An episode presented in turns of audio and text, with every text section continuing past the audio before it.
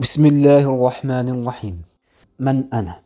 أنا الفقيه أحمد بن أحمد بن عبد الرحمن بن عبد الله شهاب الدين النضرومي التلمساني من كبار المقرئين من أهل نضرومة المعروف بابن أستاذ النضرومي أخذت العلم عن الإمام ابن مرزوق الحفيد التلمساني وغيره من علماء تلمسان رحلت إلى القاهرة وتصدرت فيها للإقراء وكنت عالما بالمنطق من مؤلفات كفاية العمل وهو اختصار لكتاب منتهى الأمل في شرح الجمل لشيخ ابن مرزوق الحفيد في علم المنطق. تجدون ترجمتي في كتاب البستان في ذكر علماء والأولياء بتلمسان لابن مريم التلمساني.